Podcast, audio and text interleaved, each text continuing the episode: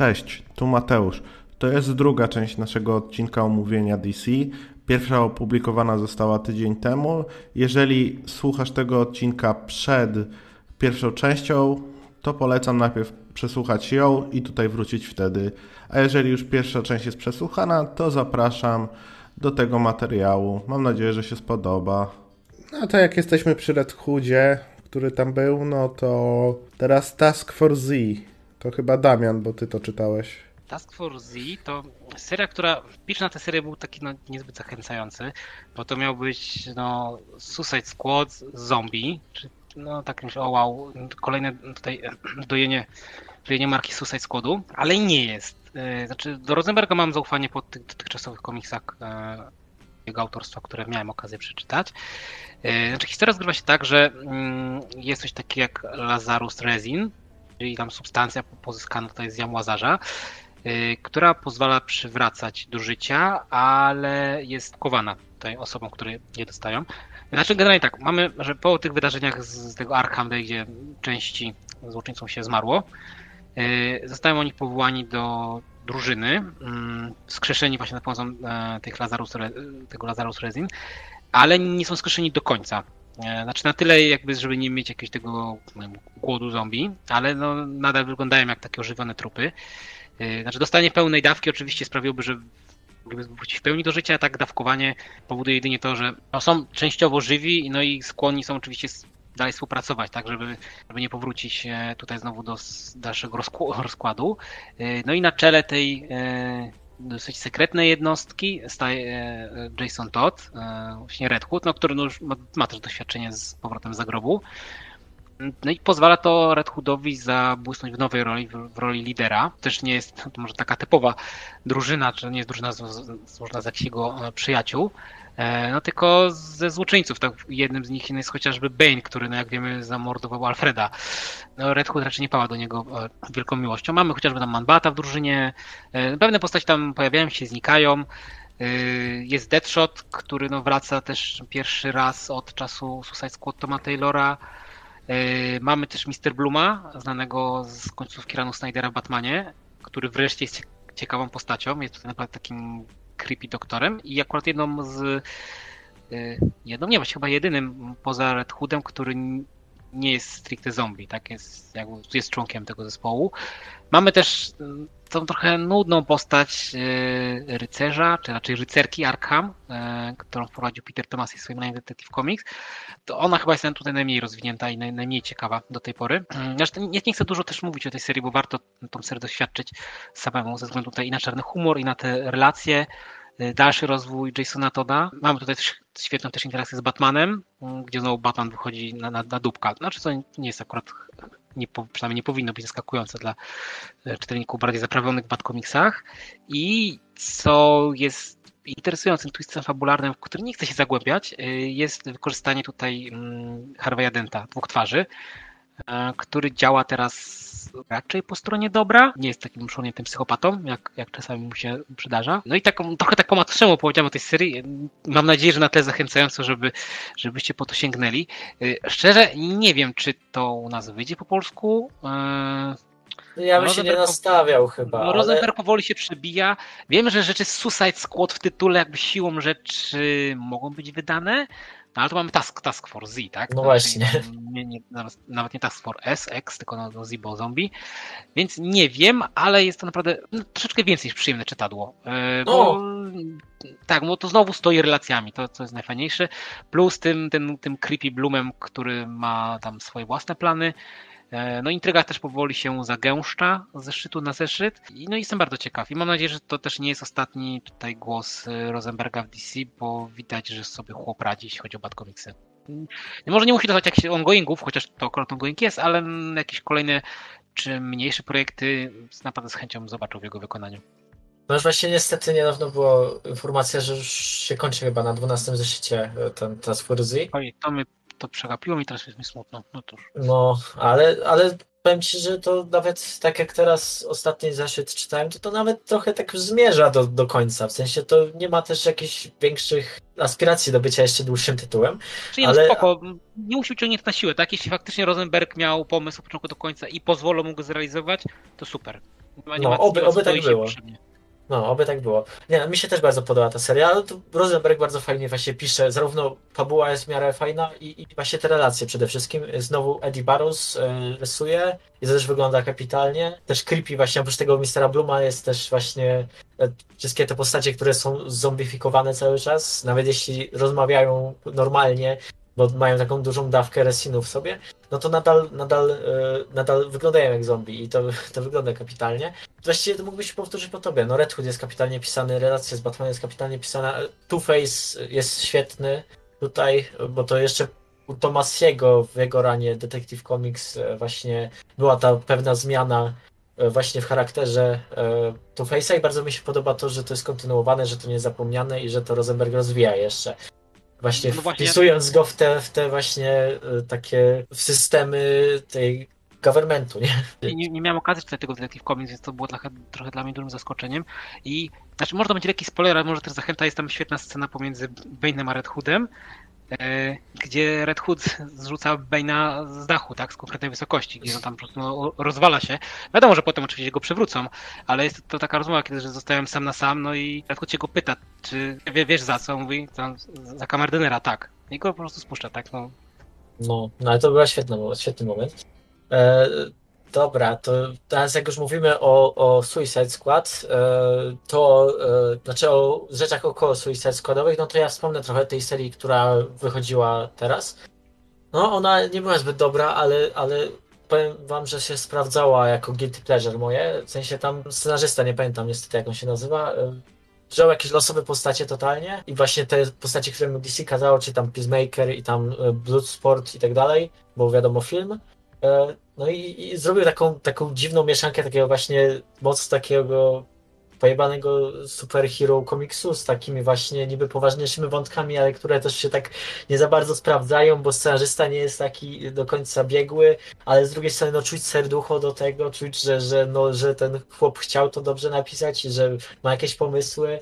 I, no i nie wiem, jakoś tak, tak przyjemnie mi się to czytało. Nie wiem, czy jestem w stanie to polecić komukolwiek, ale to było to moje guilty pleasure, ale tylko do pewnego momentu, bo już e, to wszystko miało się spiąć w takim wencie, który się nazywał War for Earth Free. No Jeszcze tak fabularnie e, zawiążę to, że właściwie od początku serii Amanda Waller z jakiegoś powodu chce polecieć, znaczy no, dostać się na Ziemię 3 i tam się zabarykadować, bo wie o tym, że zaraz będzie kryzys i twierdzi, że jedyny sposób, żeby przetrwać, to się zabarykadować na Ziemi 3 z jakiegoś powodu. Generalnie Amanda Waller w tej serii jest dosyć pajacerską postacią, bo ona tam z jednej strony cały czas odpuszcza tym naszym bohaterom, bo to są główni bohaterowie, bo to jest tak napisane niezbyt sprawnie, ale z drugiej strony strasznie, strasznie ma jakiś bardzo demoniczny plan i w ogóle to nie działa to za bardzo. E, War for Free to jest e, na jeszcze wyższy poziom wstawiony, gdzie, gdzie ona faktycznie się dostaje na to Free i tam w ogóle przekonuje Crime Syndicate do tego, żeby jej pomogli i później się pojawia Rick Flag, który w międzyczasie właśnie w tej serii głównej Suicide Squad budował swoją własne, e, swoją własną drużynę. No i właściwie przez większość tego eventu nic się nie dzieje, bo tam te tajny, które były zresztą też we Flashu Jeremy'ego Adamsa, który zresztą był najlepszym tajnem, bo tam e, bo tam w sumie nic się nie wiązało z tym eventem. To był jeszcze Tain też z Teen Titans Academy, który jest okropną serią, więc to też było słabe.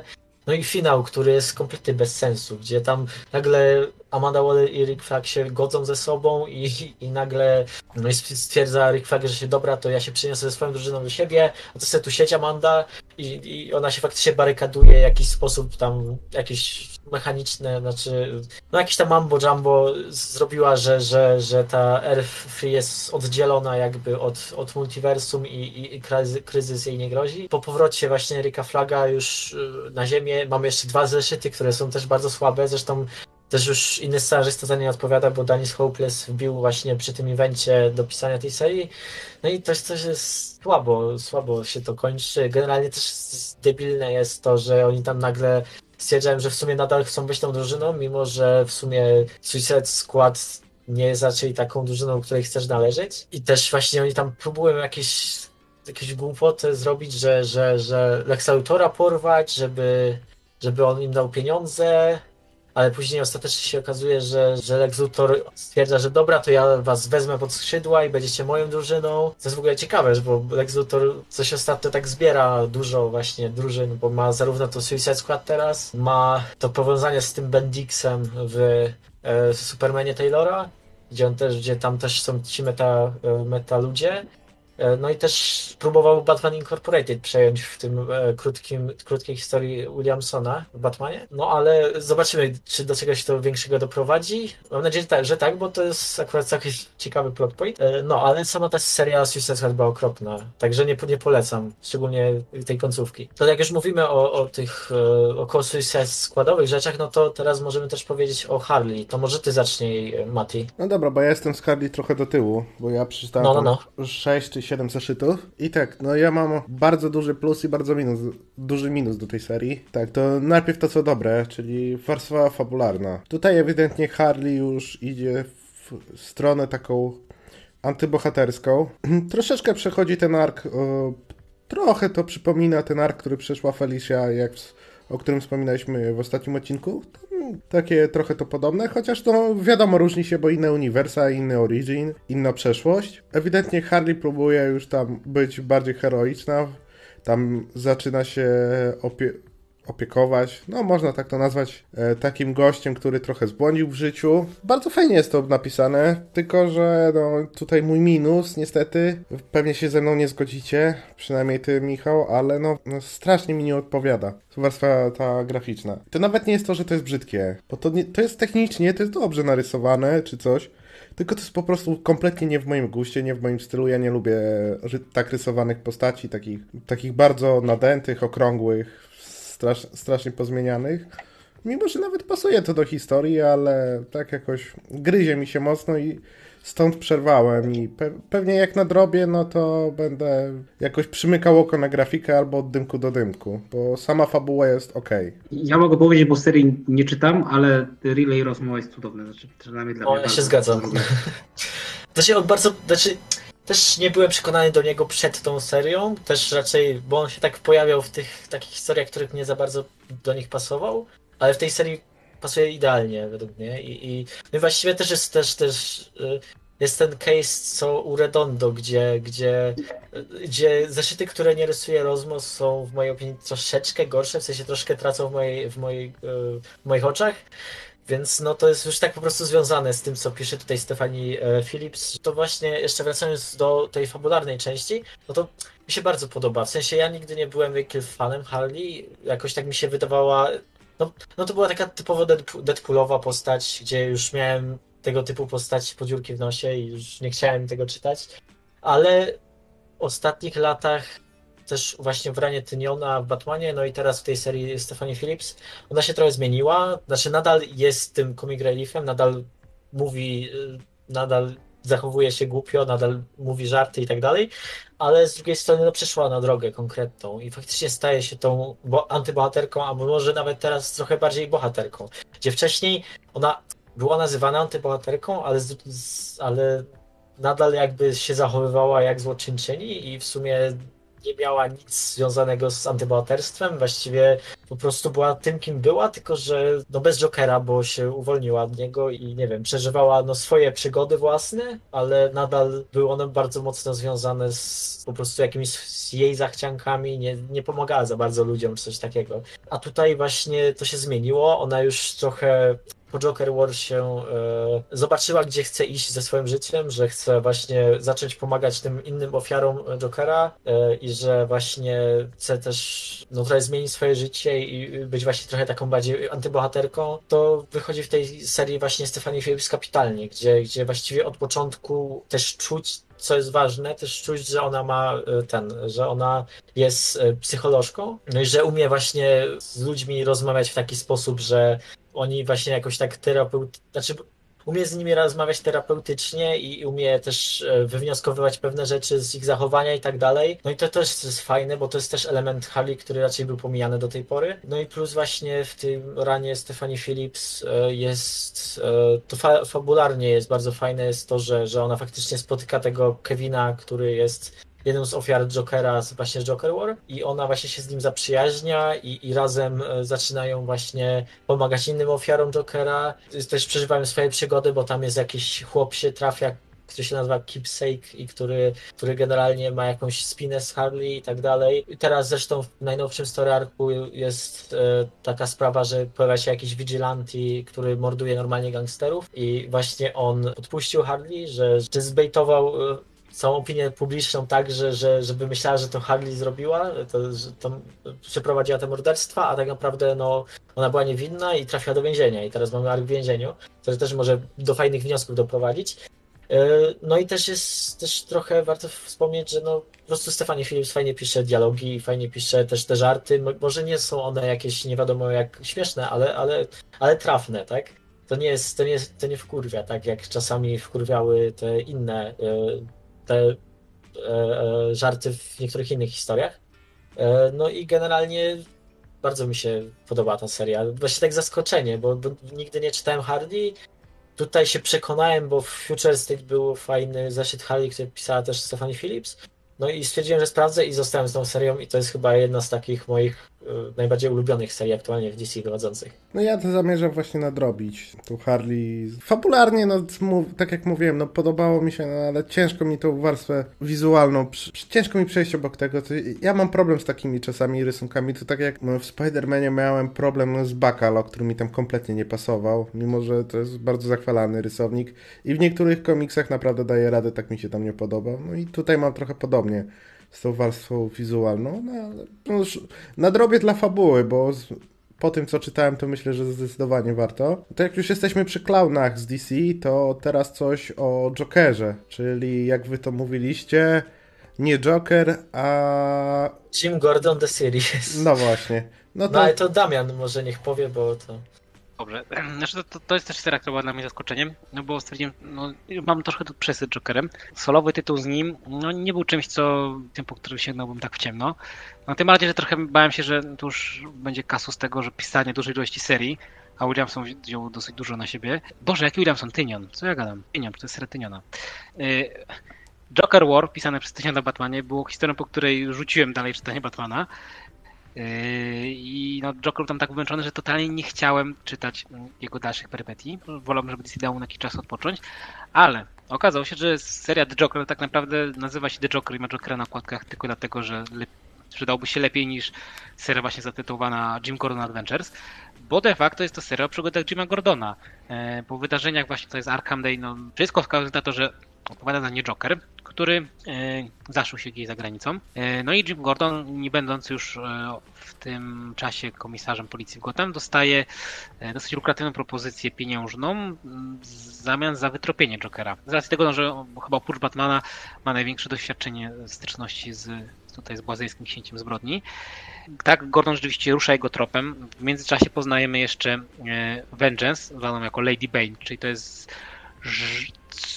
klonożeńska córka Bane'a, która została stworzona właśnie tam w celu, no, żeby mieć kogoś napędzanego jadem, kto, kto będzie być właśnie jako taki e, no, sterowany żołnierz, tak, coś czym co z Bane'em nigdy się nie udało. Intryga tam się powoli zagęszcza. Mamy tutaj też taką porąbaną rodzinę kanibali teksańczyków. Jak wiemy, chociażby z kaznodziei, mieszkańcy Teksasu, niektórzy to są ostre pojeby. Ci jak najbardziej wpisują w ten schemat. Ale no, mamy też w trakcie tej serii zeszyty. To nawet nie jeden, gdzie Joker w ogóle się nie pojawia. Albo jest tam jakimś tym, nie wiem, tym cieniem gdzieś tam, czy, czy wtraczali się w cieniu, jak chociażby kilka, chyba bodajże ze dwa zeszyty, które działy się w przeszłości, cudownie rysowane przez jednego z moich ulubionych artystów, Francesco Francaville, no, który idealnie pasuje właśnie do takich klimatów noir, zwłaszcza z Gordonem, co udowodnił w krótkim ranie Scotta Snydera e, w Detective Comics, który współrysował właśnie te historie z Gordonem. Yy, no i naprawdę jest bardzo ciekawa intryga. Seria zmierza już do końca, chyba został nam jeden numer czy dwa. No tak, tak, tak, jeden. Yy, tak, no chociaż co prawda Tynion już kończy, to DC mówi, że to jest jakby koniec pierwszego sezonu, że może potem będzie drugi, ale okej, okay, szanuję za to, że Tynionowi pozwolono tą historię doprowadzić od początku do końca. Co mi się też podoba w to, że pewne takie bullshity związane z Gordonem zostały tutaj tak załatwione dosyć szybko. Na przykład Gordon w tej serii znowu ma siwe włosy I jest to wyjaśnione, a od New 52 cały czas chodził na w pięknych, rudych włosach, czy to pod nosem, czy na głowie. No jest tutaj wyjaśnione, że po prostu wcześniej po prostu Barbara mówiła mu, że młodziej by wyglądał i ofarbował. A teraz stwierdzi, że a, wyjebane, już mu się nie chce. E, I mamy też piękne tutaj wyjaśnienie tego, że on tak naprawdę wie, że Barbara była Batgirl. No, przecież nie jest głupi, tak? No jest, jest dobrym detektywem, tak? No nie jest jakimś tutaj, no nie wiem, krawężnikiem zwykłym. To oczywiście, że o tym wie. I to prawda nie jest powiedziane, czy on wie, że Bruce to Batman, ale no nie szukujmy się, że pewnie tak. No mi się to też podobało, bo ja to w sumie na to liczyłem, że kiedyś się to w końcu pojawi, bo to jest taka rzecz, że no trochę głupie jest to, że on nie wie o tym, że ona jest tym Batgirl, ale no w końcu się wyjaśniło. Tak, no znaczy to jest właśnie pewny taki, no, znaczy, no, no, może nie celowy, ale od razu mi się skojarzy, jak zostało to pięknie rozwiązane w Injustice Toma Taylora. Świadomość Gordona, tak, bo jednak on jest naprawdę dobrym detektywem. I jest to naprawdę fajna seria. Nie, nie jest, on nie jest jakoś głęboka psychologicznie, tam, że ona naturze zła, no trochę też, ale no... no próbuje być, to wiesz, tak, jest no... spoko, ale nie, nie, to nie jest jakieś genialne... Tak, no, jest to... o tym, części, tak, ale przede wszystkim ma seria rozrywkowa, pełnia swoje tutaj zadanie zdecydowanie na 5 na 5, tak, jeśli o to chodzi. No, hmm. mówię, no, no Eisnera pewnie nie dostanie, nawet, czy nawet nominacji, ale naprawdę się czyta bardzo dobrze i z tych serii takich y, około Batmanowych, y, poza Nightwingiem, jakbym miał porównać, nie wiem, chociaż to są zupełnie inne klimaty, y, przepraszam, ja bym porównać Batgirls, Jima Gordona, w sensie Jokera, tak, serię i pomoc Task Force Z i Robina, to ona chyba mi się podoba najbardziej. Jest chyba taka najbardziej konsekwentna. O sumie tak, jest, jest tak, bardzo i, taka i, i, i spójna. Tak, i pogrywa tymi oczekiwaniami, znaczy inne też to robią, ale ta robi to troszeczkę inaczej, no bo po pierwsze, że kto inny jest zupełnie głównym bohaterem, po drugie, że no, mam taki absurdalny koncept, jak, jak, ta, jak postać Vengeance, który też jest ciekawy rozegrany. No. no i, i, i, te, i te staweczki z przyszłości z Frankavillą to mi naprawdę robi robotę, więc ja jestem no bardzo zafascynowany tak. z tego tytułu. No właśnie to jest aż dziwne, nie? Bo ja tak myślałem, że jak zapowiedzieli ten tytuł Joker, to po co to w ogóle? W sensie to jest zbędne totalnie, żeby robić solową serię o Jokerze, a później wyszedł pierwszy zeszyt, okazało się, że to w sumie bardziej o Jimmy Gordonie, tylko nazwali to tak, bo no jest tam Joker i no i bardziej, no i się sprzeda, nie? E, no i bardzo dobrze się sprzedaje, bo to jest naprawdę fajne, właśnie takie spójne, konkretna, spójna, konkretna historia, którą ty nią chciał opowiedzieć i, i, i no to działa. No ma parę takich właśnie absurdalnych, komiksowych typowo rzeczy, bo wiesz, są te na przykład cała ta, ta ta rodzina jakichś kanibali z, z e, Teksasu czy gdzieś tam, czy jest, no rzeczywiście są też sowy, e, te znane z, z ranu Snydera, no i, i to też fajnie się łączy właśnie z tym takimi rozważaniami troszkę na temat, czy w ogóle powinien James zabić tego Jokera, czy nie. Zobaczymy, jak to zostanie rozwiązane w tym ostatnim zeszycie. E, no i generalnie mi się też bardzo podoba ta seria. Taka, no niespodziewany, e, niespodziewany lider jakby wśród serii w DC. No coś jeszcze chcesz powiedzieć, czy już przechodzimy do Arkham City? Nie, ja, tak, ja właśnie teraz chciałbym przejść właśnie do tego Arkham City, Order of the World. E, I kurczę, to jest kolejna po Jokerze czy Task Force fajna seria, która wynikła z, z tej masakry w Arkham. No. E, no bo tak jak już tutaj Michał wcześniej wspominał, części się umarło. Oczywiście wiadomo, są tacy raczej, raczej pośredni złoczyńcy, a ci, którzy mają wrócić, tak jakoś wrócą. E, część uciekła. No i tu mamy właśnie tę grupkę, która uciekła. Mm. I to niekoniecznie są jakieś tam bardzo rozpoznawalne postacie. Może najbardziej chyba rozpoznawalną, przynajmniej w ostatnich latach, e, jest stworzony przez Morrisona profesor Pyk, chociaż on de facto pojawia się dopiero pod sam koniec tej miniserii. Tam mamy tą grupkę postaci, która no, ukrywa się gdzieś tam w różnych miejscach Gotham. Mamy policjanta, który próbuje wytropić. Mamy tutaj jedną z byłych lekarek Arkham, która pomaga tym, pomaga oczywiście policji, ale też e, no, może za krótko pracowała w tym azylu, ma jakąś misję, że chciałaby im pomóc tym pacjentom. Tak, nie tylko żeby znowu ich zamknąć, tylko żeby, żeby im pomóc. E, przy czym ma jakąś taką dziwną relację, z dziwną taką, że nie wydaje go policji, tylko wzięła sobie nie wiem, jakąś misję, że wyleczy ten Aidmana, postać, która jest, była do tej pory dosyć kiczowata, bo to koleś, który nie widział, ale zamiast tego miał w każdym puszku w palców oczy. I stąd pseudonim. No tutaj jego reinterpretacja jest naprawdę niesamowita. Tutaj artystka e, opisywana jako Dani, która na, w pełnej imię nazwisko to e, Dani Strips, zrobiła niesamowitą robotę, jeśli chodzi o redesign tej postaci. Jest naprawdę creepy abstrahując od tego z jego wypowiedzi, to e, całego fizis, to jak się e, porusza, e, ma takie mm, kończyny jego są bardzo takie długie, pająkowate. Sposób poruszania przypomina mi innego złoczyńcę, tudzież jego Ragdola, tak? Bohater, Ragdola, dokładnie. No. Więc od razu mam, mam flashbacki, który cały czas gadał o jakiejś klątwie Amadeusza Arkhama, o jakiejś duszy Gotham, więc niby mamy ten taki wątek trochę nadprzyrodzony. Coś, co mi się bardzo podobało właśnie w serii Wieczny Batman. E, to był mój ulubiony wątek, właśnie taki horror, trochę taki supernatural, więc um, brakowało mi czegoś. Miałem nadzieję właśnie, że coś takiego dostanę. No i wtedy był taki poniekąd spin-off Gotham by, Midnight, Yy, ale chciałem czegoś takiego więcej. No i ta seria, właściwie miniseria mi to zaoferowała. Rysunkowo jest naprawdę, jest świetnie, jest creepy, jest horrorowo. Wszystkie te postacie są podkręcone, jeśli chodzi o, o wygląd. Profesor Pyk też, znaczy on zawsze był creepem, tylko był takim innego rodzaju creepem, tu jest naprawdę przerażający. Mm, no i mamy też chociażby świetne sceny, kiedy niektórzy złoczyńcy na przykład no, nie chcą wracać do, na, na, na tą ścieżkę zbrodni. Mamy tutaj e, doktora Forfozusa, Forfozus, tak? I... Fosforusa. Od Przepraszam, tak. tak. I, I ta zła, która z nim mieszka, nie pamiętam jak się nazywa. Nokturna chyba. Nokturna, tak, która, ona uważa, że jest wampirzycą, czy do końca jest, to też jest tam kwestia sporna. I oni po prostu, nie, oni są po prostu sobie gdzieś mieszkać spokojnie. Są takie, są, cały czas sobie tłumaczą, przynajmniej sam że oni są dobrymi ludźmi.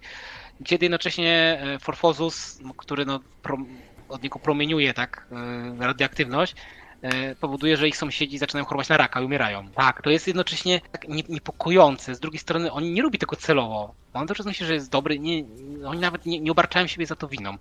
No tak, oni są po prostu żyć, nie? Swoim życiem. Tak, ale no nie są normalni i no nie mogą być, tak? Ze względu na te swoje moce, to ich ogranicza. Naprawdę niesamowite. Dawno nie czytałem właśnie czegoś tak niepokojącego, y, co było, było osadzone w, w uniwersum. No bo dobrych horrorów komiksowych to medium oferuje naprawdę na pęczki. Jest tutaj dużo, dużo dobra, ale właśnie tutaj osadzone w uniwersum DC, y, w głównym, zwłaszcza tak nie tam jakichś black labelach, to czegoś takiego chciałbym więcej. I tutaj mam też nadzieję, że yy, scenarzysta, czyli... Dan Waters. Tak, Dan Waters, że dadzą mu jakiś horrorek do napisania? On znaczy, no, on to już tutaj też się rozwija w tym, tym, tym wydawnictwie, też coraz więcej dostaje tytułów, także mam nadzieję, że że no jeszcze coś dostanie takiego konkretnego. Nie, ja też bardzo, bardzo lubię tą serię. Też, też właśnie mi się strasznie podoba ten klimat horroru. Też tego, czegoś takiego mi brakowało właśnie w DC. Yy, no i to też właśnie jest fajne, że to z jednej strony jest horror, z drugiej, e, a z drugiej strony to jest właśnie takie też jakiś sposób komentarz do tego, jak w ogóle psychiatria działa, nie? Czy, czy w ogóle, no też nie chcę, też nie, nie znam się za bardzo na tym, więc nie chcę za bardzo wchodzić w to, ale no jest ten,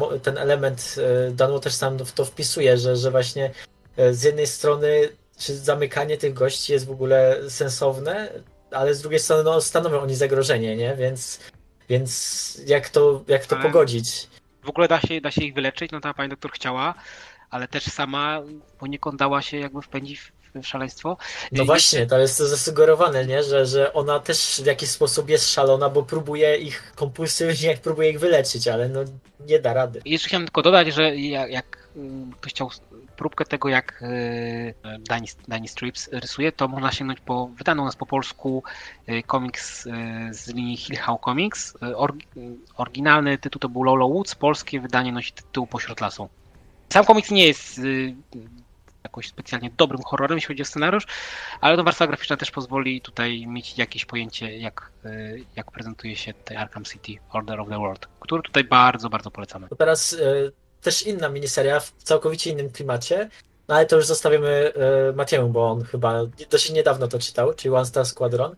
No ja to przeczytałem teraz, jak wyszedł ostatni zeszyt. Sobie całość sieknąłem na raz. No i to była kolejna dobra decyzja, jeżeli chodzi o nadrabianie. To jest bardzo taka humoreska, taka bardzo, bardzo fajna rzecz, taka humorystyczna. Masz tam tych B, czy nawet C-listerów, jeżeli chodzi... Tylko tutaj, jeżeli chodzi o superbohaterów, którzy no nie, nie są w Justice League, więc im Batman nie sponsoruje życia na co dzień, czy nie mają wielkich skarbów, czy coś i po prostu chcą być superbohaterami, ale no mus, muszą jednocześnie jakoś przeżyć od pierwszego do pierwszego, że tak powiem. Należą do takiego korpo, gdzie można wynająć su superbohatera, nie wiem, na urodziny, na jakąś imprezę okolicznościową, na zdjęcia, czy na do ochrony, w zależności od e, rodzaju bohatera. Na początku to jest to wydaje się takie humorystyczne, ale im dalej w historii, tym jest to, jest to ona coraz głębsza. Tam się po, e, pojawia były superbohater z demencją, którym trzeba się zająć. Pojawia się motyw e, wypalenia zawodowego, pojawia się pojawia się motyw y, kryzysu wieku średniego, pojawia się motyw y, takiego kurczowego trzymania się przesz przeszłości, tak jak w przypadku Minutemana, który prowadzi do tragedii przecież. Klimatem, no to bym trochę to porównał do Superior Foes. Z Taka... jednej strony niby tak, ale z drugiej strony tam jest jednak w tym Star składane jest dużo więcej dramatu, mi się wydaje, niż, niż było. Yy, znaczy, może klimatem jest podobny do Superior Foes, ale z drugiej strony, no, tonalnie jest trochę inne. No tak, no o klimat przede wszystkim chodzi, że dalej jest to przykryte masą, przykryte humorem. Chociaż w Superior Force też tam było trochę o relacjach, jak ktoś czytał, no to też pod humorem tam było, były szersze, większe problemy poruszone, no ale tutaj... Tak, tak, tak, w sumie rację. No to, je, to jest bardziej skondensowane, bo to jest tylko tam te kilka zeszytów, to jest miniseria i ca całość jest y, tego, z perspektywy Red Tornado prowadzone, który, pro, który jest tam szefem tej firemki, która na który musi odpowiadać przed zarządem spółki matki, się użerać z tymi akcjonariuszami. Z drugiej strony on chce dobrze, bo dalej jest super bohaterem, ale wie, że musi, musi przecież zapewnić byt ludziom i on z jednej i ma tak, z jednej strony musi patrzeć na dobro filmy, a z drugiej strony no, patrzy na dobro konkretnych bohaterów, którzy tam naprawdę cierpią niektórzy. Jest ta Power Girl, która jednocześnie zrezygnowała z superbohaterszczyzny w ogóle, chce się tylko w tym korpo tam wybić, do, doczłapać jak najwyżej w tym wyścigu szczurów. To jest naprawdę taka fajna seria, krótka, przeczyt... półtorej godziny czytania w sumie. A jak ktoś szybko czyta, to godzinę, ale moim zdaniem warto trochę czasu poświęcić, bo i graficznie jest to bardzo ładnie, bo to już sprawdzam, kto to rysuje. Steve Lieber, nie? A, no Steve Lieber to rysuje, no, więc... No właśnie, no dlatego kli... klimat mi też odpowiada, przy, przypominał, bo to i humor podobny i właśnie graficznie jest bardzo podobnie. No ja zdecydowanie od siebie to polecę. Czy ludzie, którzy w korpo pracują, to też e, na pewno docenią tą lekturę, prawda Damian? E, znaczy doceniam. Znaczy dla mnie jest to komiks bardziej tra tragikomedia dla mnie. No, no, no. Du jest dużo cięższy. Znaczy, Steve Lieber zawsze daje radę, jeśli chodzi o mimikę postaci i taki hu humor rysowany, więc tam mogą być kadry nieme i no, tutaj zdecydowanie daje robotę. E, robi robotę i tu przypomina mi chociażby tutaj i teraz mam zaćmę e, o Boże. Ten Justice League A, nie, e, Kevin Maguire? Tak, jeśli chodzi o mimikę postaci. I, i, przy humorystycznych elementach. To Steve Lieber to jest dla mnie zbliżony, jeśli chodzi o, o, o klasę. E, humor taki rysunkowy. No, no nie, dla mnie tutaj Mark Russell, y, który jest scenarzystą, poszedł dużo cięższe klimaty, bo to jest a i o kapitalizmie, a właśnie o tym, co, co Mati wspomniał, o kryzysie wieku średniego, takim trochę wypaleniu. No kurczę, trochę, trochę to mam, nie? Więc po, poniekąd jestem w stanie się utożsamić. Y, jest to dla mnie komuś cholernie smutny. Ten humor jest, ale jest taki humor przez łzy i no tutaj no nie mogę powiedzieć może, że łezka mi poleciała, ale no tak kilka razy, tak z dwa, tak może gardło mi ścisnęło i faktycznie tam jakieś fiksy były, mimo że to są trykociarze. Chociaż też, co jest może istotne, ale bardzo mi się to podoba, że Red Tornado jest rysowany tutaj tak, że on nie wygląda jak typ, który jest w zbroi, tylko jakby normalnie nosi po prostu zwykły, zwykły trykot. Więc to, też tak. fajnie, fajnie wygląda i lepiej pozwala podkreślić tutaj wszelkie jego e, ruchy i mimikę. Także nie, no to jest naprawdę cholernie smutny komiks. Y, Russell też potrafi, chociażby udowodnił w, w The Flintstones, y, wziąć takie różne problemy współczesne, społeczne, no i wpleść się w, w jakąkolwiek historię nie pisał, no i tu zdecydowanie mu się udało. I na pewno kiedyś wrócę do tego komiksu tak w takiej formie zbiorczej, ale no, wiem, że to znowu będzie, będzie smutna lektura. Bo, bo tu w tym komiksie tak naprawdę nie ma takiego końcowego happy endu. Bo taki po prostu jest... No, Czyli że... troszkę jest tam na końcu, ale... jest taka, taka nutka nadziei jest, ale, tak, ale, ale ogólnie no, jest dużo tragedii. Takie no, trochę życie z dnia na dzień, no i tych chwil szczęścia, no żeby się trzymanie, także no można próbować coś zrobić ze swoim życiem, ale nie zawsze też to wychodzi tak, jakbyśmy chcieli. Co no. się udaje, ale no smutny, smutny, dla mnie smutny komiks.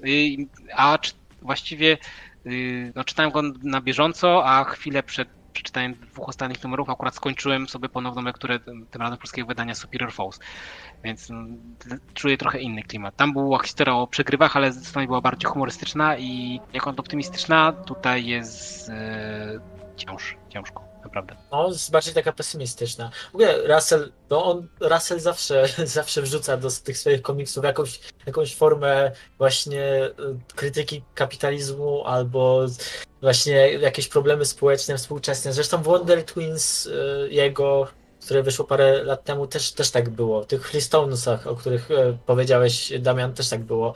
Więc generalnie no, to jest autor, który bardzo lubi takie rzeczy. E, I też bardzo lubi tragikomedię, bo właściwie bardzo dużo jego historii właśnie ma to podłoże komediowe i bardzo fajne komedie ma, ale, ale z drugiej strony jest to, jest to no jest to podłoże takie właśnie tragiczne, czy, czy właśnie takie bardziej poważne, które właśnie wiąże się z Znaczy, no, tymi... Uśmiechasz się, ale w sumie nie wiesz, czy tam czy, czy wypada, tak? Bo to jednak No, jest taki no. śmiech, a potem się zastanawiasz i mówisz, fakt, to nie jest śmieszne. To, to jest naprawdę No. przykre. No i właśnie przez, przez to tak mi się to spodobało, że no mówię, no Flintstones mam ze sobą, yy, teraz jestem po Monster Squadron i chyba po tych Wonder Twins teraz sięgnę, ze względu na, na to, co No to nie jest aż tak tragiczne, ale, ale jest, To, to są dobrze, te elementy. nie chcę się dewastować tak No. w krótkim czasie po raz kolejny. Właściwie mógłbym pod, powtórzyć po was to co, to, co mówiliście. No, to jest kapitalna seria, to, to, to bardzo polecam. E, dobra, to jeszcze teraz e, na koniec e, z takich, takich właśnie mniejszych rzeczy, bo jeszcze później przejdziemy do takich większych bohaterów, bardziej znanych, to jeszcze wspomnę o Monkey Prince Zhen Luen Yanga, o którym już wspomniałem trochę przy okazji chyba Supermana i tego. I, i, i, no i to jest taka seria mniejsza o całkowicie nowym bohaterze, o azjatyckim bohaterze, warto wspomnieć. I, i, no i to jest takie bardzo przyjemna, takie teen, dra, może teen drama połączona z takim e, trochę mistycznym klimatem, gdzie masz właśnie te, taki mistycyzm e, chiński, takie właśnie nawiązanie do mitologii chińskiej, e, do takich tam różnych właśnie demonów, jakichś światów, bogów i tak dalej. E, No i właśnie ten główny bohater, który- Monkey Prince, e, on jest właśnie awatarem jakiegoś tam, obrońcą jakiegoś tam świata właśnie boskiego, czy coś takiego.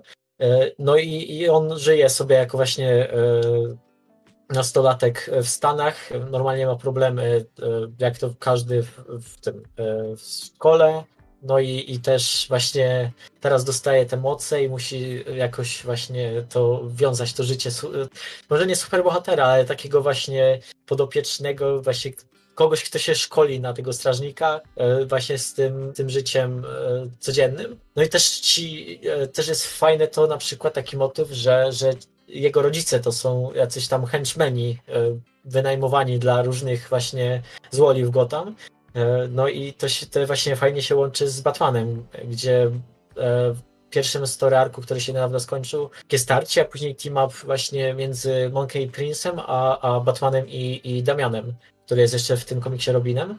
No bardzo fajnie to wychodzi. Generalnie jest bardzo przyjemna seria, troszkę, no taka lekka, troszkę taka humorystyczna w pewnych momentach, ale ale właśnie ma takie właśnie fajne motywy e, z tej mitologii chińskiej, które no, w komiksach amerykańskich się raczej rzadko pojawiają. No i fajnie, że właśnie azjatycki twórca bierze to właśnie ze swoich rodzinnych stron te, te, te motywy i je tutaj wplata. E, Więc także no myślę, że wam się spodobało chłopaki, także wy też możecie nadrobić kiedyś. Znaczy ja powiem tak, że ja sprawdzę, bo długo się zbraniałem przed, y, to chyba, tak, to u Werber było, ten New Superman, o tym chińskim Supermanie, też się długo zbraniałem nad tym, y, bo o, totalnie się lubiłem od pierwszego zeszytu, gdzie no, z miejsca nie lubiłem głównego bohatera, ale potem sięgnąłem, sięgnąłem całą serię i naprawdę bardzo mi się podobało. Pokazał też Batman Superman, że potrafi naprawdę fa fajnie e, rozpisać. Mm, też tutaj no, te ikony wydawnictwa DC. Więc na pewno po to sięgnę, ale chyba poczekam sobie, aż będzie już tutaj całość dostępna. Żeby No tak bo to sobie, 12 zeszytów jest chyba. no, żeby sobie tak zrobić więc- tam na jedno, dwa posiedzenia i przeczytać całość. E, Dobra, to teraz możemy przejść do Flasha. To Damian, proszę cię Okej, bardzo. dobrze, już nagrywamy tyle dobrze, że ja teraz mam najdłuższą część, potem będę mógł troszeczkę odsapnąć. E, to tak, zacznijmy od tego, że ja nienawidzę Barry'ego Allena. Naprawdę, Barry Allen powinien umrzeć. Znaczy, że, on umarł, znaczy nie powinien wracać.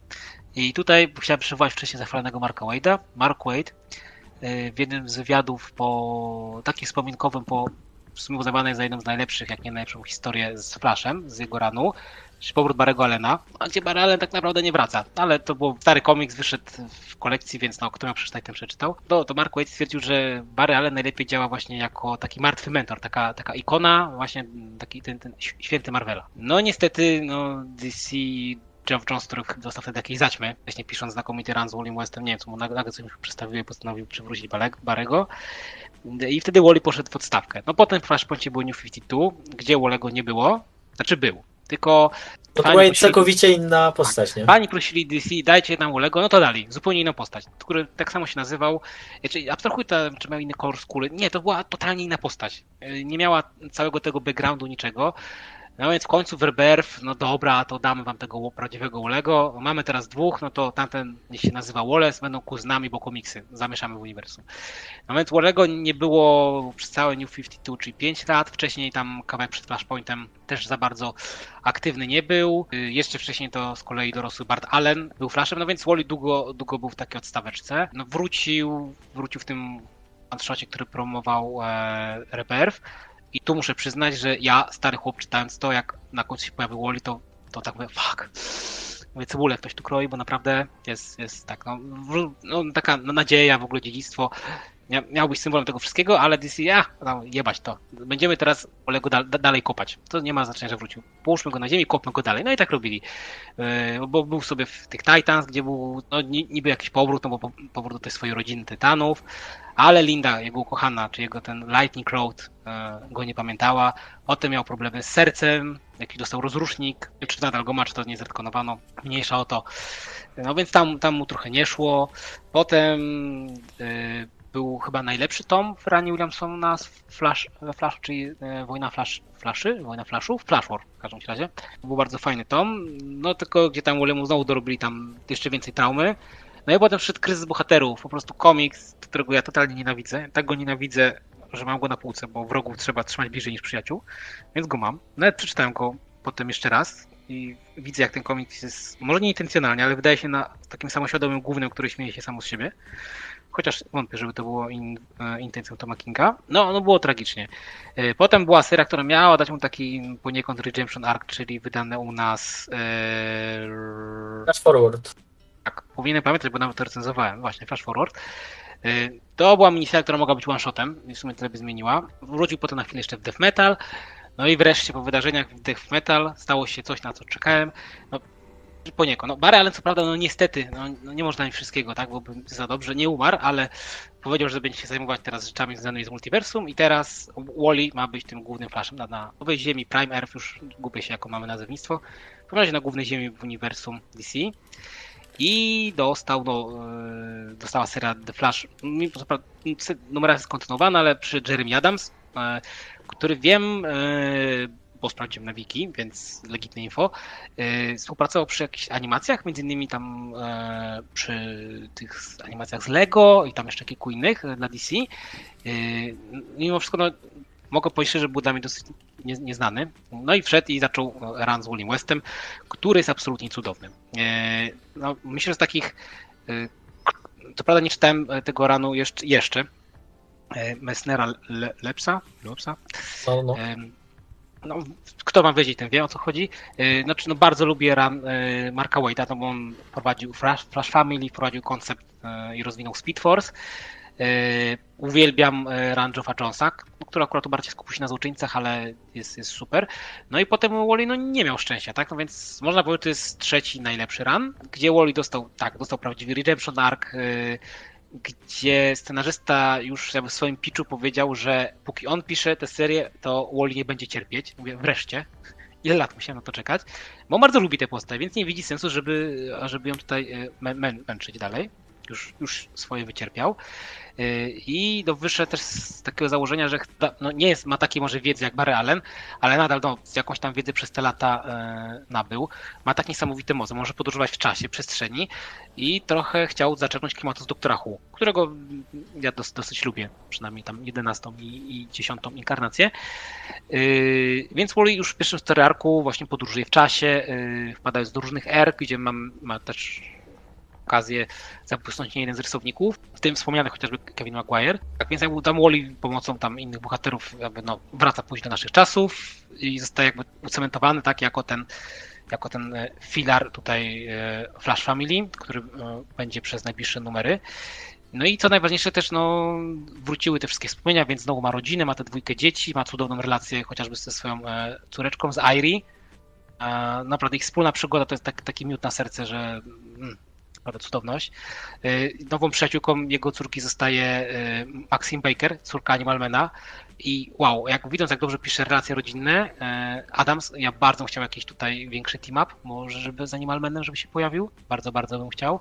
Co tam jeszcze mogę powiedzieć z tego zachwalania? Mamy też y, oryginalny dosyć zeszyt i lubię takie zabawy y, formą komiksu. Tylko nie jest to tyle zabawa y, kadrami, tylko łamanie trzeciej ściany, gdzie no czytelnik poniekąd decyduje, co się dalej stanie, także Wally tutaj wraz z doktorem Fate'em wracają się nieraz, że o, typu musicie odszukać coś na tej stronie, tak, albo tutaj przekręcie komiks i naprawdę lubię takie zabiegi, jest to przeprowadzone naprawdę w sposób idealny dla takiej formy, jaką prezentuje komiks. Co prawda czytałem to cyfrowo, ale zamówiłem sobie ten zeszyt specjalnie, żeby mieć na papierze, bo to zdecydowanie inne doznania.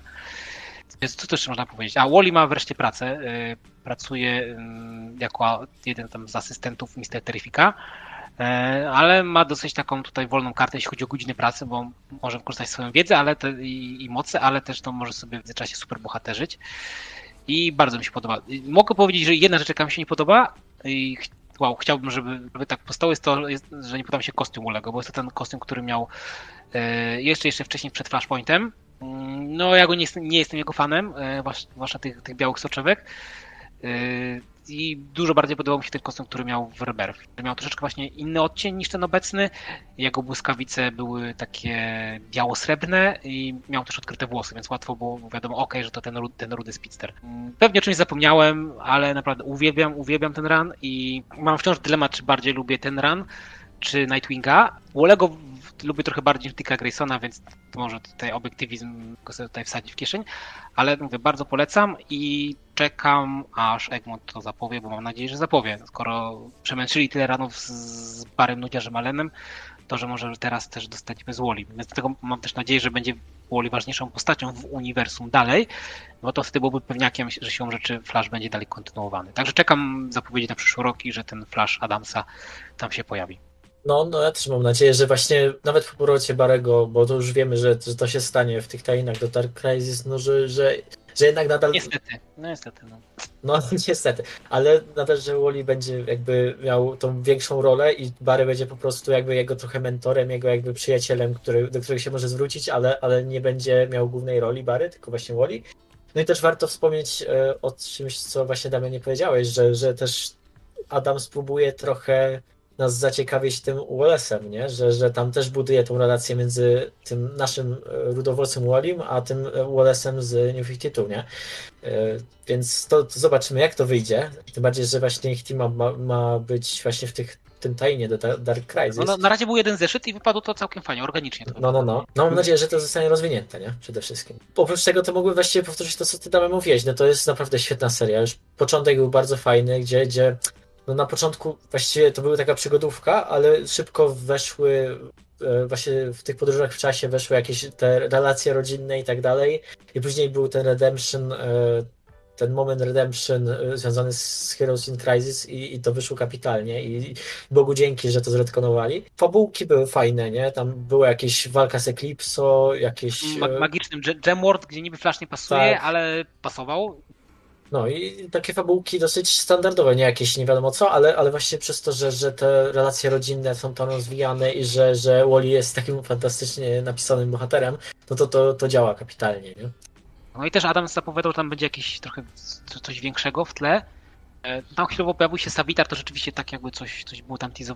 No i biorąc pod uwagę, jak powiedział, że on ma plany tam na już tam kilkanaście numerów do przodu, Boże, niech DC nie spieprzy tego, niech mu dadzą to pisać ile będzie chciał. No mam nadzieję, nie no, ludzie lubią ten run i jest generalnie wychwalany, więc mam nadzieję, że, że zostanie tyle, ile będzie chciał. Dobra, to ja może coś jeszcze powiem, bo żeście się rozgadali, no ale wcale wam się nie dziwię, bo to jest naprawdę chyba, mimo wszystko Nightwing jest wyżej, więc to by, ale jeżeli chodzi o moje ulubione serie, no to to jest na równo z Supermanem Taylora, więc o czymś to świadczy.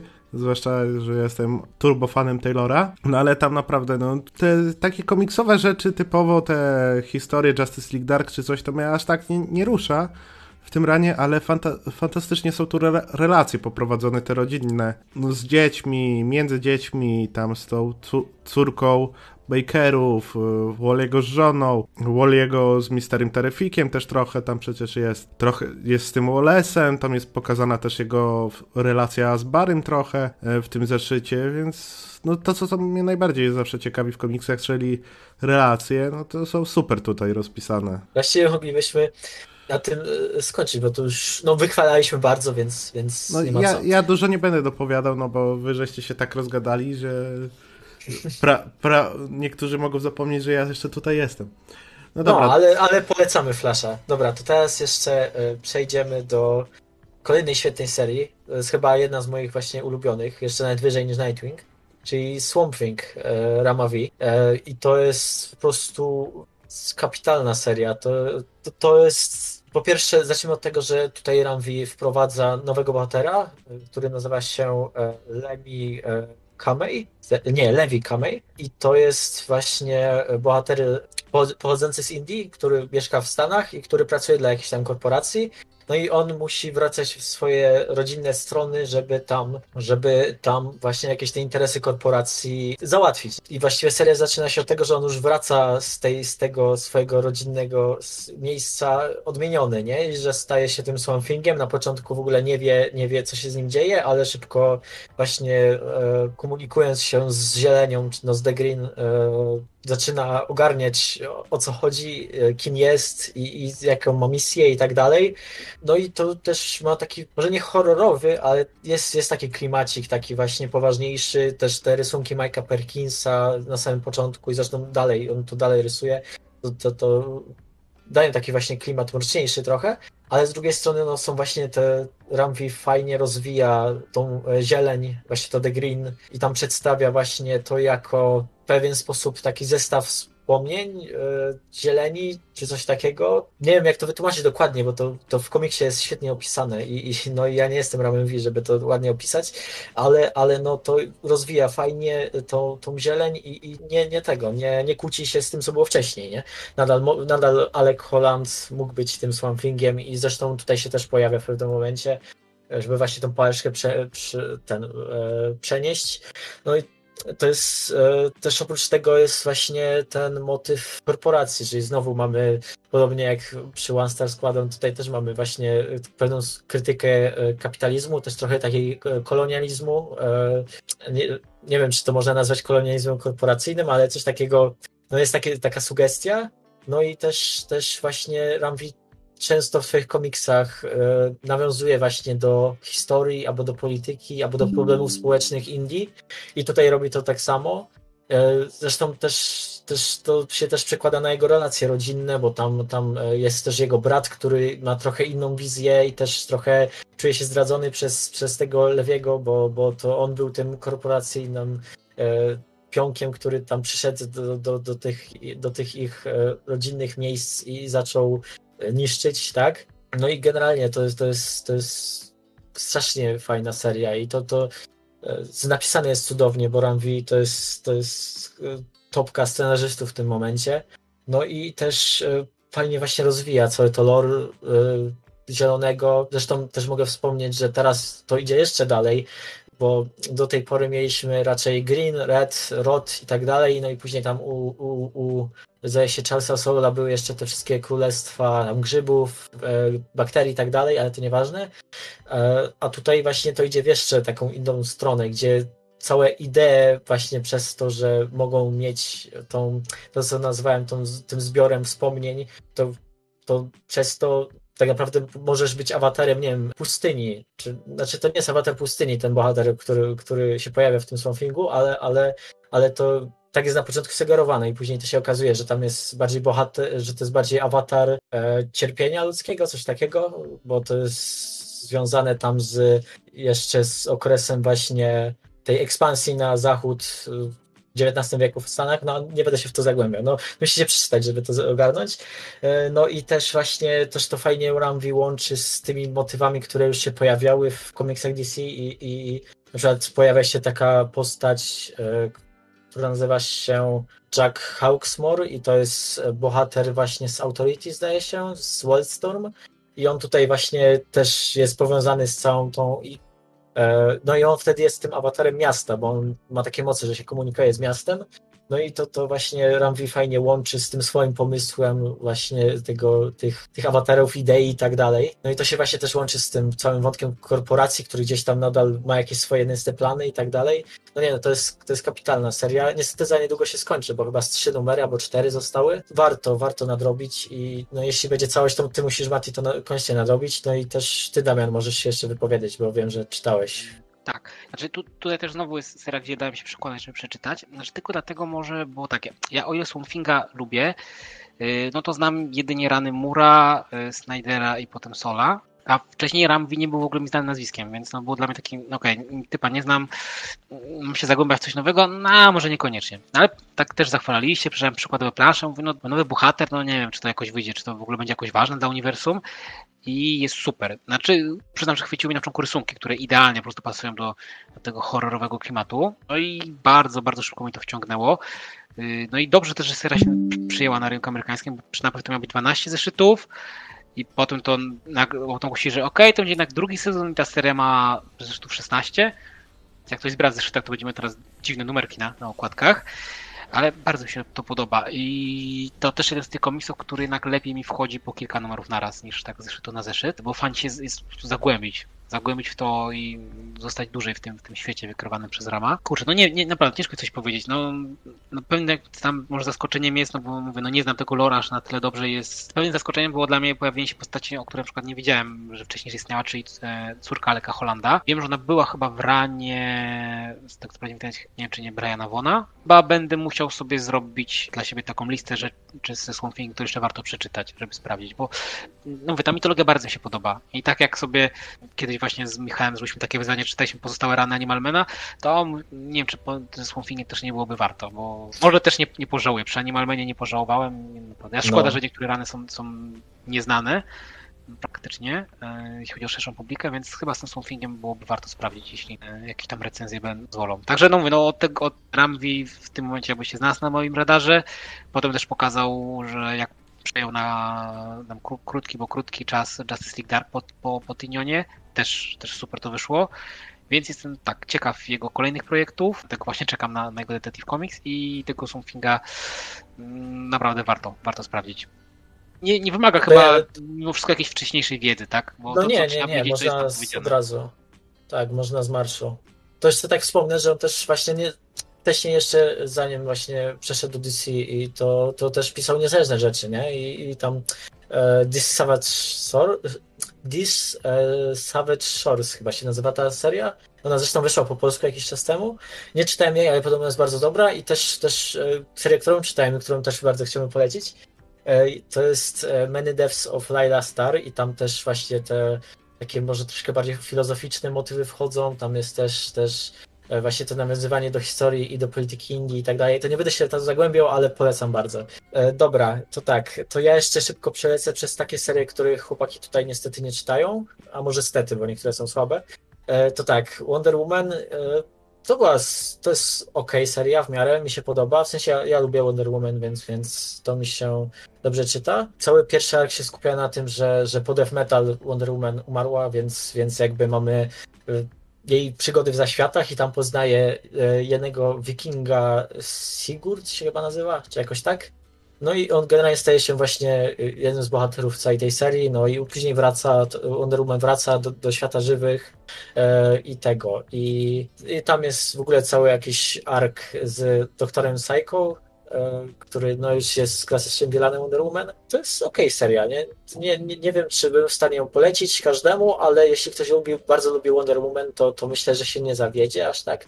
Znaczy ma słabsze momenty na pewno ta seria, ale to, to jeszcze właśnie e, związane jest z tym eventem Trial of e, Amazons, który, który jest no, był bardzo słaby, chociaż miał duży potencjał.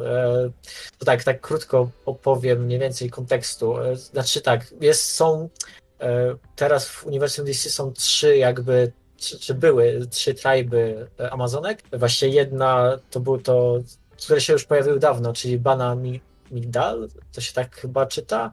Czy to są te takie bardziej wojownicze Amazonki, które chyba zdaje się, że mają siedzibę w Afryce, coś takiego. No i stąd, stamtąd pochodzi Artemis. No są te Amazonki z Temeskiry i, i jeszcze niedawno zostały odkryte te Amazonki z Amazonii, z Ameryki Południowej. No i to jest powiązane z tą Jarą Flor, y, czyli tą nową Wonder Girl. Y, no i w tym crossoverze y, znaczy tak, jeszcze tak w ramach kontekstu, to jeszcze dopowiem, że Nubia po, czy po śmierci Wonder Woman e, Hipolita oddała królestwo e, właśnie Amazonek Nubii i tam były jakieś tam miniseria, to nieważne nawet, ale e, ważne jest to, że, że Nubia była przez większość swojego życia strażniczką czegoś, co się nazywa Doom's Doorway, Doom's Doorway i to jest taka, no to jest takie przejście do Hadesu z, z Temiskiry, które właśnie Amazonki mają bronić no i, i, właśnie to się wiąże z tym eventem, bo, e, bo, bo cały ten trial właśnie jest, że muszą wybrać właśnie z tą strażniczkę, jedną strażniczkę e, tego, tego Doomsday. No i te wszystkie właśnie triby Amazonek się spotykają właśnie na tym skirze. No i one są, oni są, te triby są mocno skonfliktowane, więc to też jest wątek. No ale niestety sam event, mimo właśnie tego potencjału, no, no zawodzi na każdym polu, bo pierwsza połowa jest nudna, tam się nic praktycznie nie dzieje. Właściwie przez pół tego eventu e, wybierane są tam właśnie zawodniczki do tego trialu i dopiero później pod koniec się na przykład dzieje się akcja, ale ona też nie jest ciekawa, bo nie jest dobrze podbudowana i właśnie z Doom's Doorway się wydostaje jakieś wcielenie chaosu, czy coś takiego, co nawet nie jest do końca dobrze wytłumaczone. No i, i to też nie działa na takim poziomie właśnie tego arku większego, gdzie, gdzie te Amazonki teoretycznie powinny po właśnie po tym spotkaniu na tym Eskirze i po tym właśnie wspólnym, wspólnej walce powinny się połączyć i no i tak się łączą, ale to, to nie działa organicznie w ogóle.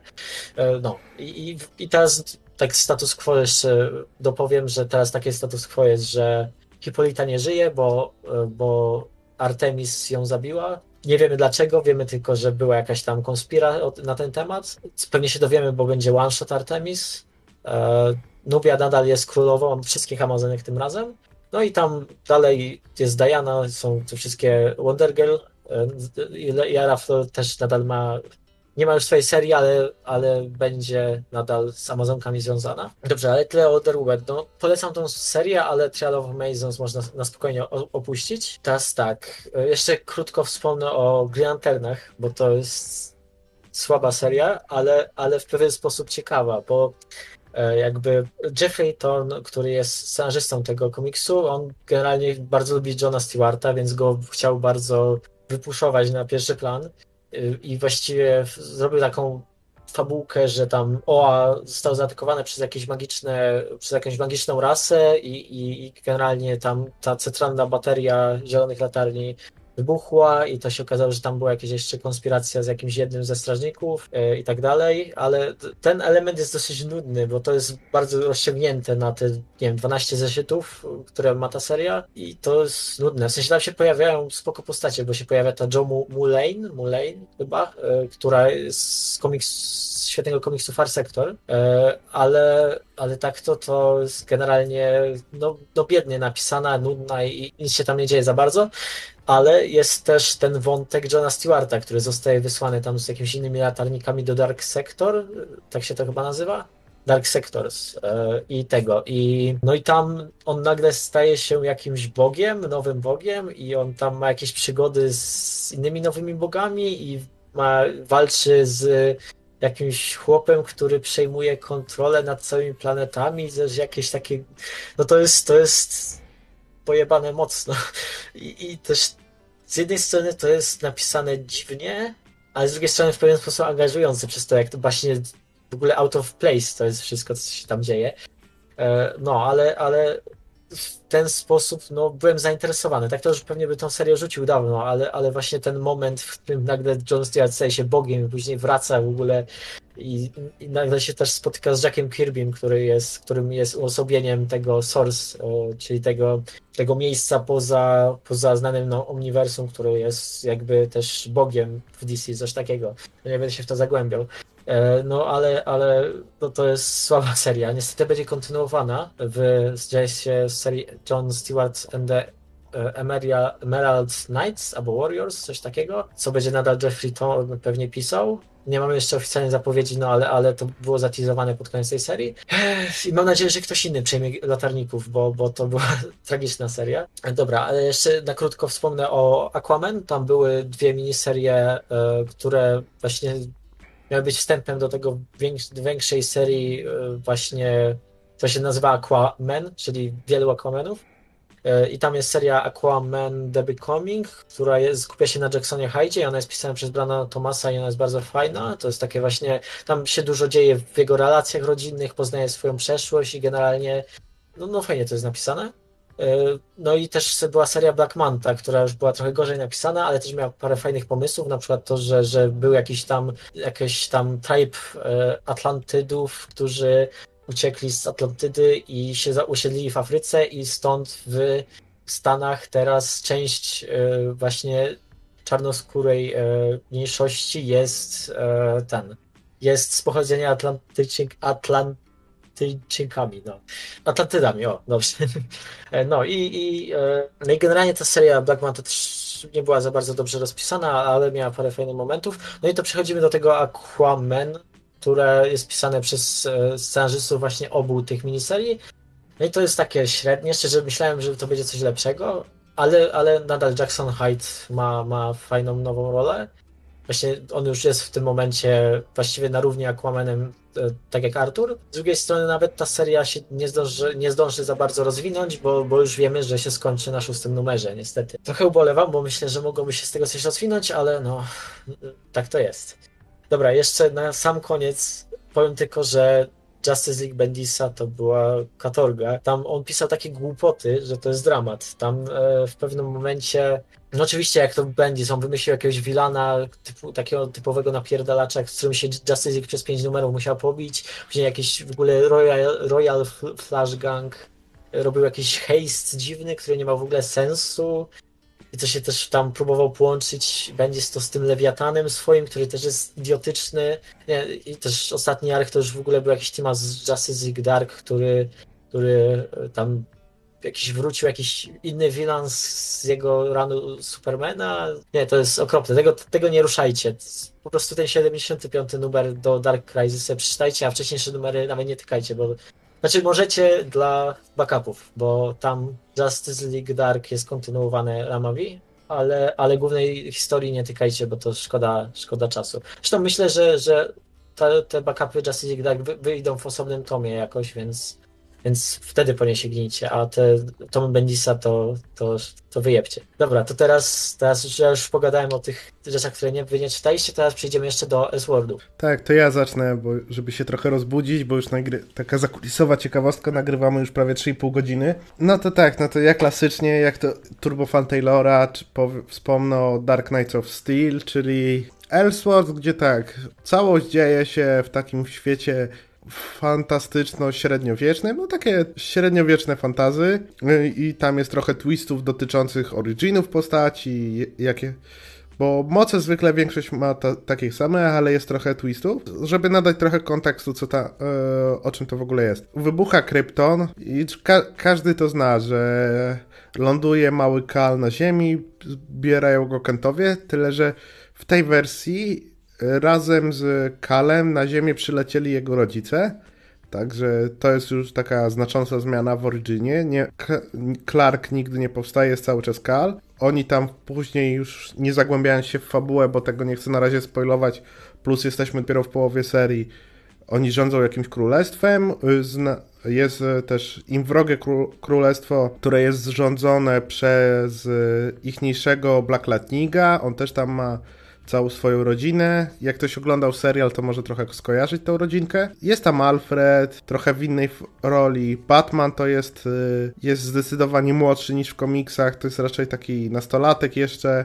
Do tego on jest tam takim głównym rycerzem. Ma bardzo fajny twist z Originem, którego nie chcę zdradzać. Tutaj jest dosyć, dosyć istotne, że przepowiednia, że właśnie ród elów, tak to można powiedzieć, sprowadzi katastrofę na świat i bardzo i to to powoduje konflikty.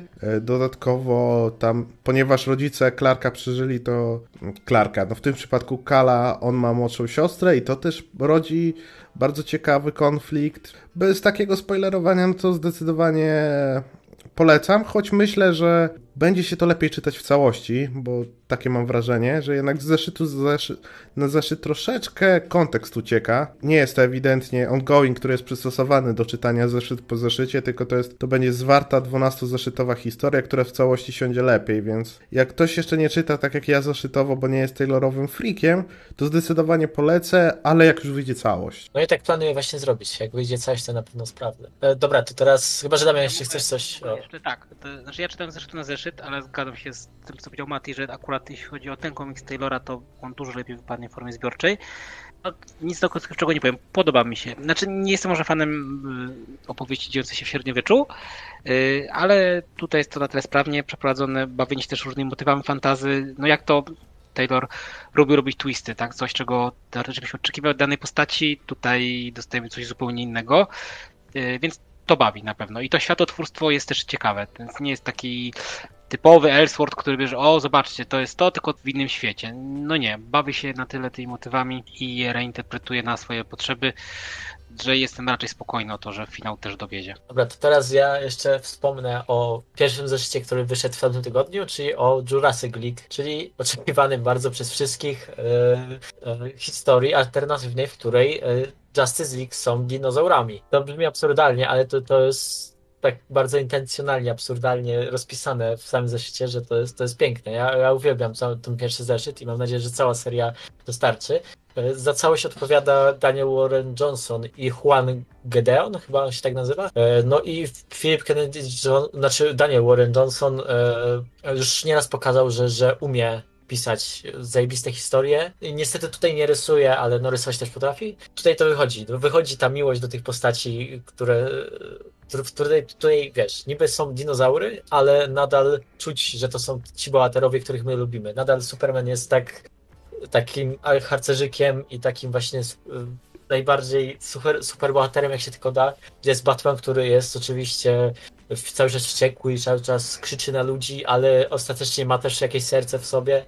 No i ta Wonder Woman, która ma tą swoją misję pomagania właśnie e, w świecie ludzi, no, no tym razem nie ludzi, tylko dinozaurów, ale ludzie też tam są. No, no i nie, no to się zapowiada bardzo fajnie. Ja czekam na, tą, na kolejne zeszyty i, i to też narysowane jest bardzo ładnie i, i polecam, jeśli ktoś lubi takie odjazdowe historie, myślę, że się spodoba. No mi się jedynka bardzo podobała. E, znaczy, to jest opierdolony koncept, nie oszukujmy się, tak?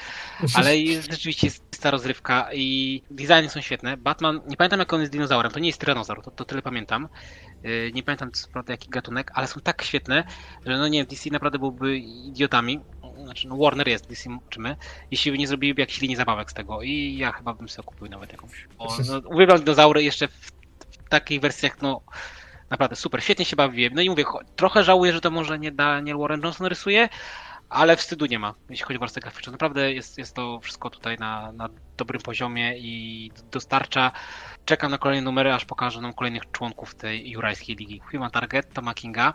Bardzo, bardzo mi się podoba, ale ja też jestem zdzierem, jeśli chodzi o kryminały. A to jest naprawdę taki kryminał, takie murder mystery, e, w starym stylu utrzymane. Rysunkowo też bardzo pasuje tutaj do, do klimatu opowieści. To jest niby Ellsworth, chociaż tam King powiedział, że Mr. Miracle niby też jest, ale tak naprawdę to on zostawia to innym, tą, tą decyzję. Wydaje mi się, że jest, ponieważ ginie tutaj jedna z ważnych postaci. Nie chcę mówić, która, ale myślę, że chyba przez ten fakt raczej to nie, nie, nie będzie kanoniczne. Co ja mam generalnie w dupie, czy to jest kanonem, czy nie. Póki historia jest dobra, to Continuum kanoniczność nie chcę, żeby ograniczały swobodę twórczą. E, więc jak wspomniałem, bardzo lubię kryminały. E, tutaj mamy tą zagadkę właśnie Murder Mystery, ale z takim twistem, ponieważ główny bohater Christopher Chance, czyli ten tytułowy człowiek cel, jego zawodem jest to, że po prostu przebiera się za jakieś postacie, którym grozi jakieś niebezpieczeństwo yy, i tak podszywając się e, pod nie właśnie rozwiązuje te zagadki, łapie tych przyszłych sprawców zbrodni. Tutaj dostaje zadanie ochraniania Lexa Luthora, no tylko okazuje się, że jakby no ta jego, to zadanie troszeczkę poszło nie tak, bo e, ktoś chciał Luthora otruć i to poszło wcześniej, więc to nie miał być zamach z jakimś postrzałem, tylko z otruciem i Chance wypił po prostu drinka, który był przeznaczony dla Luthora i zostało mu po prostu e, no, kilka dni życia ponieważ jest to nieuleczalne. I jedynym, czym się dowiaduje, to to, że mm, została tutaj użyta dość nietypowa trucizna pochodząca z innej planety, a jedynymi postaciami, które mogły mieć do niej dostęp, byli członkowie Justice League International, którzy ostatnio byli właśnie na jakiejś misji w kosmosie. Więc sprawcą prawdopodobnie jest któryś z bohaterów. No i każdy zeszyt zazwyczaj oscyluje wokół, wokół poszczególnych tych członków.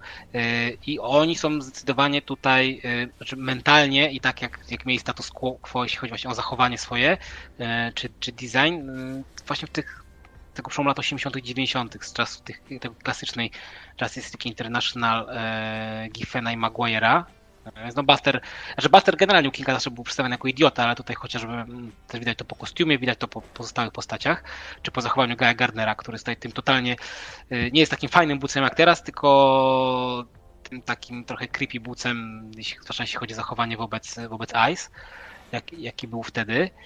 Y, no i Ice też tutaj odgrywa e, taką istotną rolę. Y, no, czy powiedzieć, że jest fan fatal? Może nie, E, ale też pomaga e, Częsowi w śledztwie. Nawiązuje się między nimi e, trochę głębsza relacja niż przyjacielska. Każdy zeszyt kończy się jakimś twistem fabularnym, który troszeczkę rzuca światło na, na to śledztwo. No i sam King mówił też, że są wskazówki, które pewnie czytelnicy przegapili i czytając ponownie czy w całości zobaczą, że te okruszki były tam rozsiane, więc tutaj nie mogą się doczekać, kiedy to wyjdzie po polsku zakładam, że ten właśnie przyszły rok jest jak najbardziej możliwy, bo seria jest już zakończona.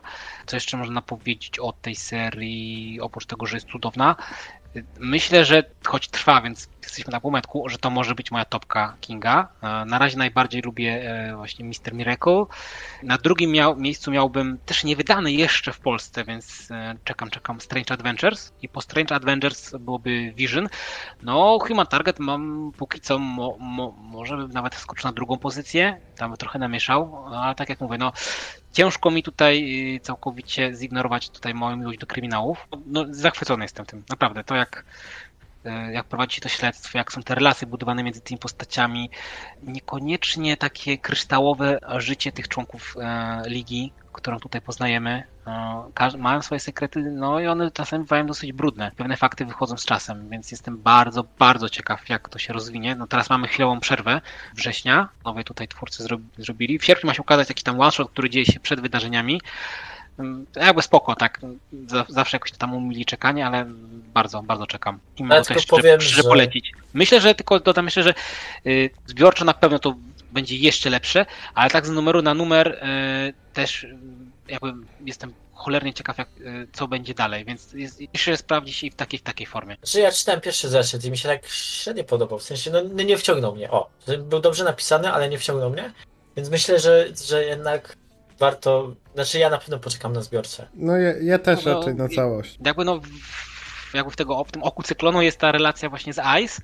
No tak, ale w pierwszym zeszycie tak. tego nie ma jeszcze, nie? Tam się no dopiero nie, to zawiązuje. Pod koniec, tak? Pierwszego zeszytu, jak to No, możliwe. się w biurze. No nie, jest, jest, jest super. No i mówię, narracja bardzo przypomina takie te stare, klasyczne krymina, kryminały, jakie można obejrzeć w telewizji, czy poczytać tam typu ten Chandlera, etc. No taki naprawdę klasyk, jednocześnie właśnie mamy tą ligę z lat 80., 90., taka niby trochę śmieszkowa, ale nie do końca, bo to jednak King, więc jest tutaj naprawdę na co czekać. Ja jestem powiedziałem pewnie z pięć razy, zachwycony tą komisją. No to trzeba będzie na całość poczekać, bo jak po Kingowy to w całości ewidentnie. Zwłaszcza, że tam próbowałem chyba Roszaka czytać w, w zeszytach i szybko skończyłem. No dobra, no to to co chcieliśmy, to żeśmy pogadali. To by było na tyle na dziś. Ze mną byli Michał, Damian, ja jestem Mateusz. No i do usłyszenia. Cześć.